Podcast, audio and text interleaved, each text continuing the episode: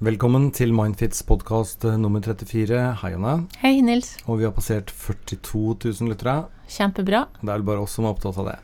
Ja, nei, men det er vel Det er jo spennende det at det går fremover. Flere som hører på.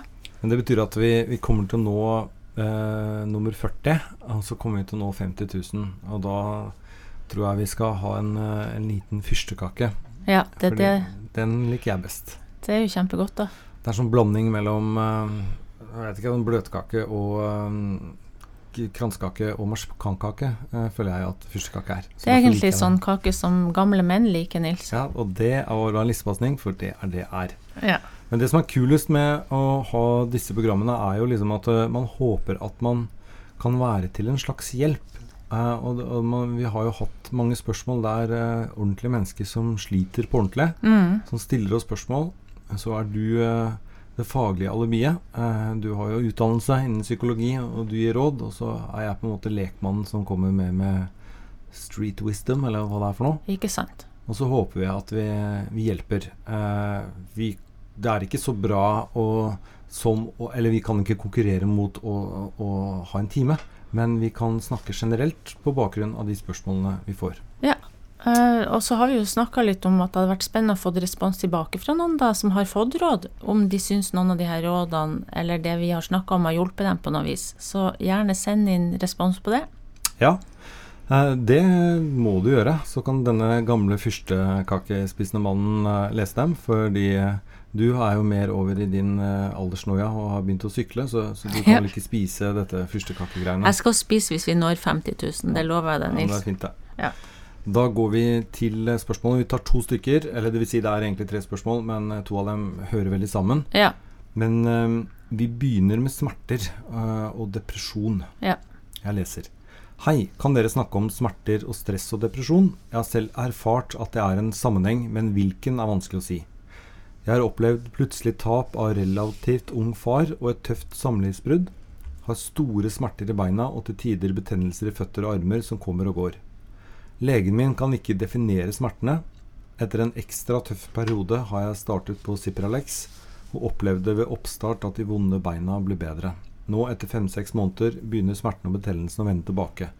Jeg vet at temaet er veldig stort og foreløpig lite forsket på, men har dere eventuelt noen tips til hvordan jeg kan lese om emnet? Ja, altså ta det første sist, da, fordi eh, jeg har vært og hørt på en spennende forelesning for ikke så lenge siden av en som heter Egil Fors. Og han jobber både som psykiater, og så tror jeg også han er spesialist i Er det indremedisin, eller tar jeg feil nå? Kanskje det var allmennmedisin? Ikke så farlig. Allmennmedisin var det. Ja. Eh, og i 2017 så kom han ut med ei bok sammen med en som heter Tore Siles, og den heter Smertepsykologi. Eh, og den er jo egentlig skrevet til fagfolk, men jeg så litt sånn på innholdsfortegnelsen og har jo hørt litt hva han snakker om. Jeg tenker det er en del gode råd og tips der til folk som sliter med både smerte og depresjon, da. Men det betyr altså uh, to spørsmål før vi går videre. Ja. Hva er Cipralex? Det er det ene vi må besvare. Ja. Vi kan begynne med det. Cipralex er et antidepressiva, sånn at det har jo uh, hun, hun fått da for at hun også er nedfor, da. Mhm. Eh, og at det har virka på de fysiske smertene, altså hvordan det her henger sammen, ikke sant. Det er jo det som er så spennende. Men men man kan altså få fysiske smerter eh, basert på at man ikke har det bra i hodet.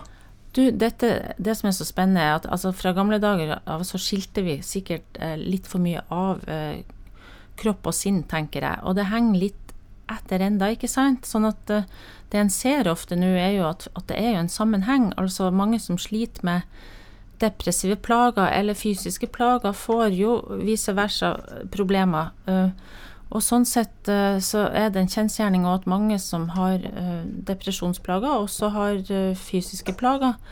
Og hva som starta først eller ikke, det er jo litt sånn vanskelig å si av og til.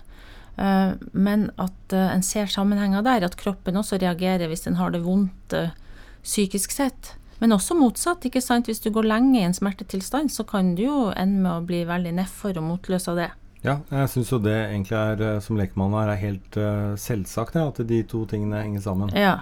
Men, men det du sier, er at legevitenskapen og sånn, vi har liksom skilt veldig mye på sinn og kropp. Det har vært mye skilt, og så blir det sånn Det handler litt om holdninger du skal møte folk med òg, da. Og mange som plages med smertetilstander der du ikke finner årsaker, da, uh, de kan jo oppleve seg veldig mistro mistrodd òg, for at det er jo en en opplevelse av smerte der. Mm. Eh, og da er det ikke så godt å bli møtt med kanskje at dette sitter bare i hodet, eller eh, det, det, det, er noe med å anerkjenne den smerteopplevelsen som er der, da. Mm. Eh, og samtidig også forstå litt hvordan kropp og syke fungerer sammen, da. for det er jo sånn at en smertetilstand, hvis vi starter der, da. Vi har jo smertereseptorer som ligger i nervesystemet, og som som skal gi signaler til ryggmarg og hjerne om at nå skjer det noe smertefullt her. Eh, og så, kan, eh, så, er det jo veldig betydningsfullt hvordan det blir tolka i hodet da. Eh, altså hvilke forventninger Altså er dette en akuttsmerte? Er det noe jeg må gå og gjøre noe med med en gang, eller er dette en smerte som altså, jeg kan takle som noe som jeg forstår har en sammenheng med hvordan jeg har det akkurat nå. Kanskje det er stressrelatert. Kanskje jeg bare skal anerkjenne smerten og ikke bli så redd for at jeg får den. Men, men en forstår jo at en blir påvirka av de tankene en får om smerten en har òg. Mm. Uh, og så er det noe med at hvis en da går til legen sin uh, og prøver å få hjelp med det, så er det jo viktig å bli møtt uh, Altså hvilken holdning en blir møtt med der, da.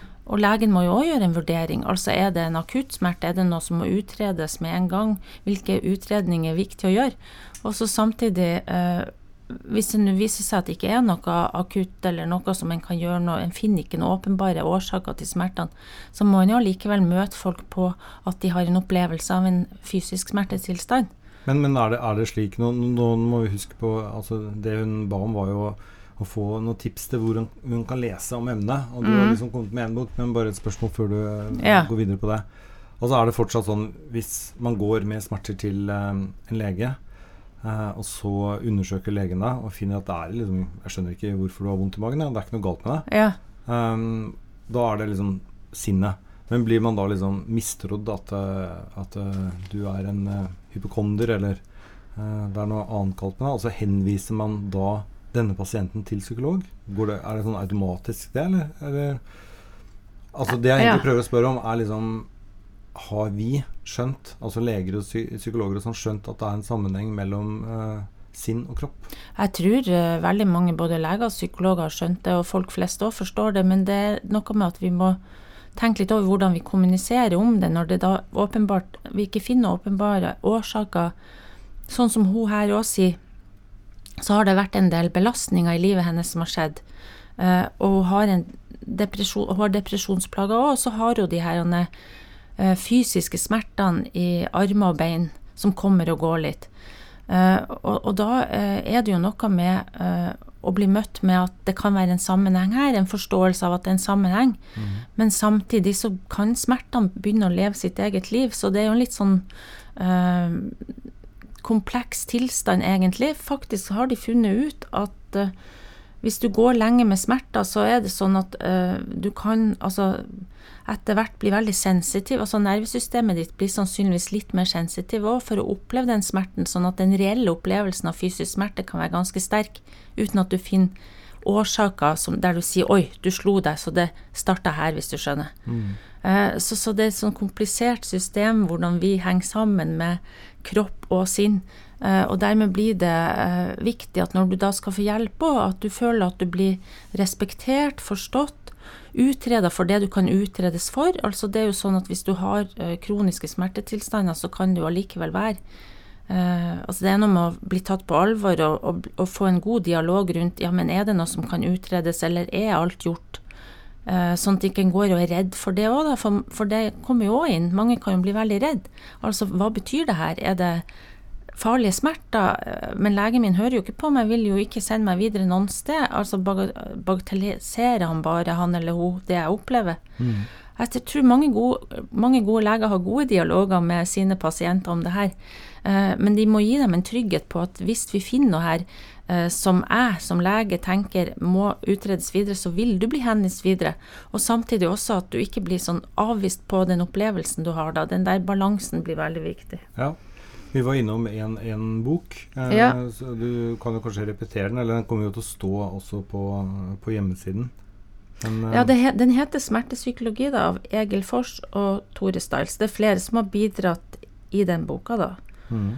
Eh, jeg må jo også si at eh, det er veldig vanlig å ha muskulære smerter. Altså, de har gjort en, en stor undersøkelse. Det var over eh, 1200 personer som deltok. Og, og, sånn I løpet av en sånn 30-dagersperiode så har de spurt dem hvor ofte har du hodepine, muskulære smerter, vondt i armer, vondt i bein. Og bl.a. muskulære smerter, det var jo så mange som 80% som hadde opplevd det i løpet av 30 dager. Ja. Sånn at mange av oss kjenner jo smerter til tider, og det kommer og går litt. Uh, men hvordan det blir håndtert både av oss og av de rundt oss, blir veldig viktig for hvordan vi klarer å, å leve med de smertene hvis det ikke er noen fysiske årsaker til det som en kan gjøre noe reelt med her og nå. Mm. Ja. Nei, men uh, det var et utfyllende svar, det. Det var det. Jeg kan vel også si litt om at uh, hvis, en skal få hjelp med å leve med smertetilstander der en ikke finner åpenbare årsaker, altså at det mer har blitt som sånne kroniske tilstander, der en også kan bli deprimert, så klart. En har litt begge deler. Uh, så har en jo funnet ut at uh, i hvert fall innenfor kognitiv terapi så har de jobba veldig mye med at en må utfordre kanskje litt de negative tankene en har rundt de smertene. da. En må bli litt bevisst sine tanker rundt smerten sin. Mm. Stå i det. Nei, altså det er ikke det, men det kan være tanker som at, uh, at ryggen, altså hvis det er ryggen du har vondt i da, altså denne ryggen kommer til å ta knekken på meg. Uh, altså det kan være mye sånn katastrofetanker, det kan være ting du rett og slett ikke klarer å du er ikke bevisst hvor ofte du har de tankene innom hodet ditt. Og så det å få hjelp til å trene seg på å akseptere tankene og samtidig få en del avstand fra dem, fordi de også påvirker jo inn på smertetilstand. For tanker om at dette er utålelig og at det er noe alvorlig galt når det egentlig ikke er det, det øker jo på smertetilstand. Så mm. hvordan du takler det i hodet, påvirker jo hvordan smerten føles. Ergo sinn og kropp henger sammen. Veldig.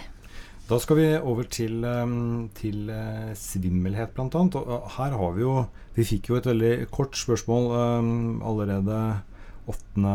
juli. Kan noe hjelpe på svimmelhet? Det var hele spørsmålet. Så har vi fått et til som er litt mer utfyllende. Så da mener vi da at vi slår sammen disse to. Jeg leser. Hei, jeg har helt siden barneskolen eh, besvimt eh, eller blitt svimmel i en del sosiale sammenhenger, og har etter hvert skjønt at dette er en slags angst. Men hvilken vet jeg ikke. Det startet med 17. mai-toget på barneskolen Norsktentamen på ungdomsskolen, alltid ved blodprøver og vaksiner, og i ekstra dårlige tider føler jeg meg svimmel bare av å gå i butikken eller ta buss. Dette gjør at jeg trekker meg unna og er veldig lite ute av huset og treffer folk.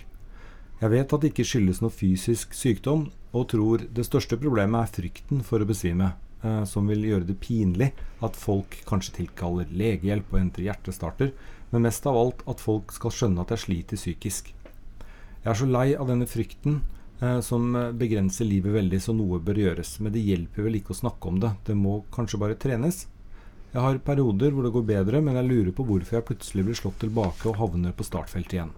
Frykten gjør at jeg kan stå i kassa for å handle i butikken og tenke kjenner jeg meg svimmel nå? Slå inn varene fort før jeg blir svimmel? Å nei, hun må gå og sjekke prisen. Krise. Så bare noe så enkelt som å handle blir vanskelig. Jeg inventerer vel frykten ved å sjekke om jeg føler meg svimmel. Er dette sosial angst, er det en fobi mot svimmelhet, eller er det tvangstanker? Ja, eh, og siden vi har fått spørsmål om det et par ganger, så tenker jeg at dette er jo et tema som opptar flere òg, fordi svimmelhet Altså, svimmelhet kan være et eh, symptom på angst, men det trenger ikke være det. Uh, men uh, det som er med svimmelhet, at det er et ganske sånn ubehagelig type Det er en ubehagelig plage å gå med. Eh, og jeg syns hun beskriver veldig godt her på slutten hvordan hennes tanker rundt eh, var, var, litt mer sånn katastrofetanker rundt hva som vil skje hvis svimmelheten kommer. Den, den, blir veldig sånn styrende også for hvordan hun opplever det i situasjonen.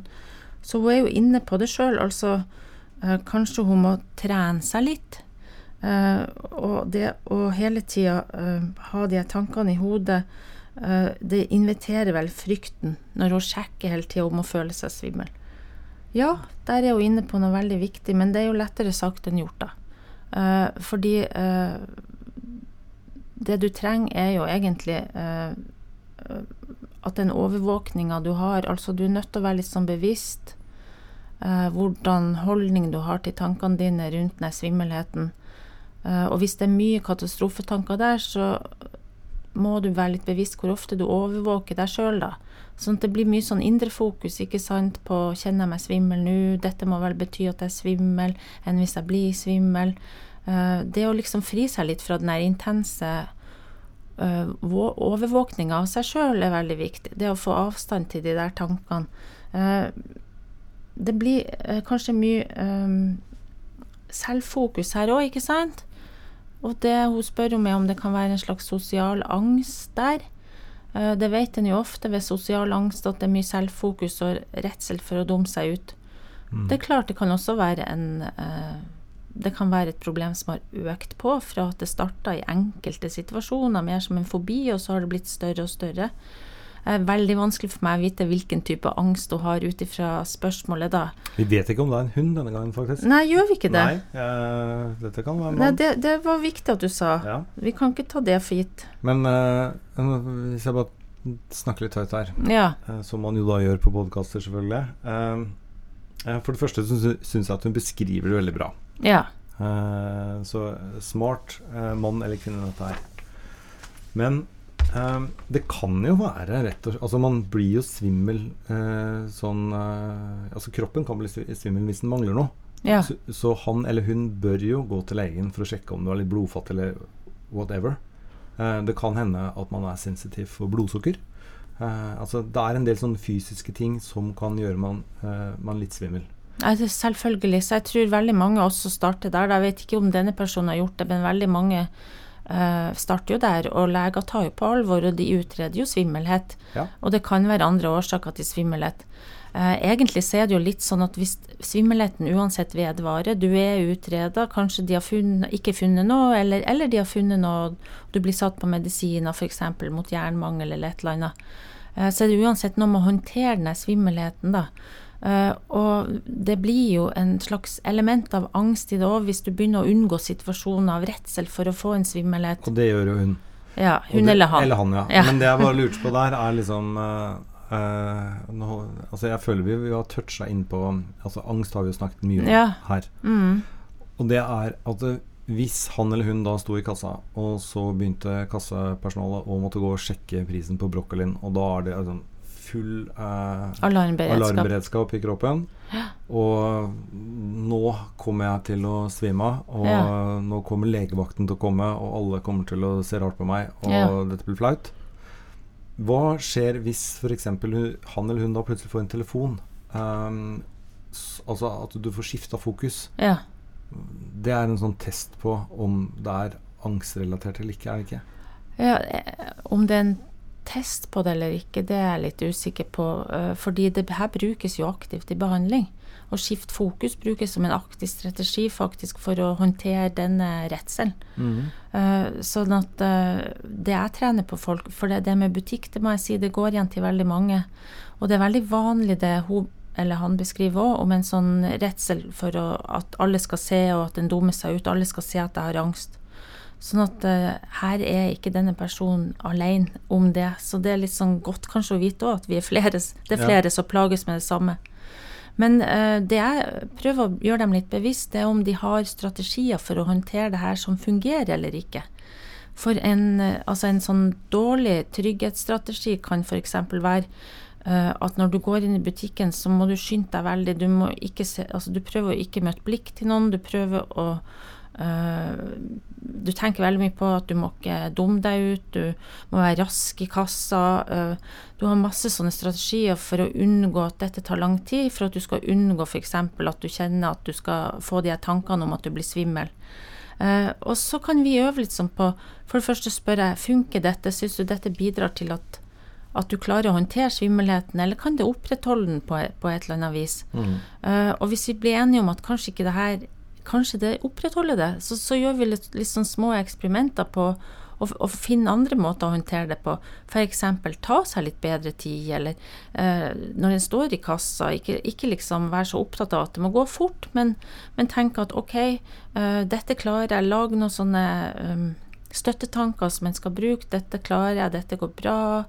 En kan ha fokus på andre ting, som du sier. Uh, øve seg på det. Altså prøve å registrere ting som skjer rundt deg, istedenfor å hele tida være opptatt av tankene om at du er svimmel. Men da må du jo vite litt hvilke tanker du har, og hva du gjør for å håndtere denne uroen du har inni deg, og om dette fungerer eller ikke. Og så må du kanskje begynne å gjøre noen justeringer her, da, mm. som kan hjelpe deg. Sånn at du håndterer det her på en bedre måte neste gang. Hanne Lund skriver jo at, eh, eller slår fast at eh, det ikke er noe fysisk eh, galt. Nei, så, så da, så, da, regner vi ja. egentlig med at vedkommende har vært hos ja. legen og sjekket ut det. Og da ville legmannen si at mest sannsynlig så er det en sosial angst du har. Ja, du vil eh, kanskje si det, eh, og det er jo mye som tyder på det. Eh, men i hvert fall er det viktig å få sagt her at jeg syns det er veldig veldig ok å se at det virker som en person som ikke unngår ting. For det jeg ser hos veldig mange som uansett angst, da, uansett hva du kaller angsten, så begynner de å unngå ting. Og da blir det verre og verre, faktisk, fordi eh, det smitter Det har kanskje den personen merka òg, og mange merker det. At liksom fra at én ting er et problem, det står jo litt om det her òg, så blir det et problem i flere situasjoner. Og da må en begynne å velge seg ut uh, situasjoner der en utfordrer seg sjøl litt igjen. Men en må jo ha teknikker, da, vet du. En kan jo ikke bare kaste seg ut i det. En må liksom bygge opp en slags verktøykasse over ting en skal bruke for å hjelpe seg sjøl i de her situasjonene. For de teknikkene vedkommende har laget, er jo egentlig, som uh, han eller hun skriver inn, en invitasjon til angsten. Nemlig ved å sjekke om er jeg svimmel nå? Ja, ja. Det er en teknikk for å liksom nærmest fremprovosere deg? Nei, altså du, hvis du sjekker veldig mye, så finner du jo alltid symptomer som passer med det. Uh, og så tenker jeg også sånn at kanskje en ikke skal være så redd for å bli svimmel heller. Sånn at det er viktig å bygge opp en aksept for at svimmelheten kommer og går litt uavhengig av meg. Uh, og at den ikke er så Hvis en hele tiden skal jobbe med å unngå den, så blir det jo så voldsomt når det først skjer. Sånn at hvis en heller kan tenke OK, der var svimmelheten.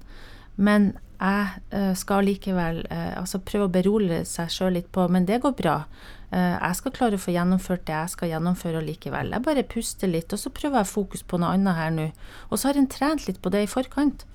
sånn at en liksom er litt mer forberedt inn i situasjonen. Ok, så hvis man da blir svimmel, ja. så kan man tenke ok, nå er jeg svimmel. Ja. Nå skal jeg se hvor lenge jeg faktisk kan eh, fungere eh, med min svimmelhet. Eller eh, skal jeg la den tanken ta så stor plass inni meg? Skal jeg være så opptatt av å monitorere den svimmelheten jeg kjenner på nå? Eller skal jeg bare anerkjenne litt at den er der, og så prøve å ha fokuset mitt på andre ting? Hva er det jeg holder på med nå? Jeg handler faktisk. Ok, jeg er svimmel, men uh, nå skal jeg finne vaniljesaus.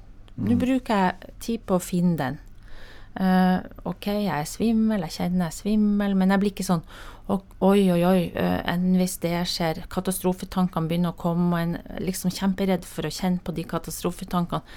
En mer anerkjenner og er litt sånn klar over at det kommer til å skje, og så prøver en egentlig å holde, holde litt avstand til det, og ikke, ikke gå så 100% inn i de tankene, da.